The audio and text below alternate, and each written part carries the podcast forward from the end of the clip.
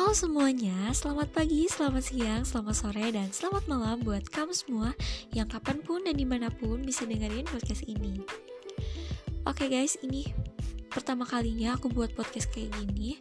The first time sebenarnya karena keinginan aku yang pengen banget jadi penyiar radio, tapi mungkin sekarang-sekarang itu belum bisa aku wujudkan tapi entah kenapa lah ya aku terinspirasi dari mana akhirnya aku buat podcast kayak gini tak kenal maka kata sayang makanya aku mau kenalan dulu. Nama aku Faye aku bisa dibilang si pecinta sastra.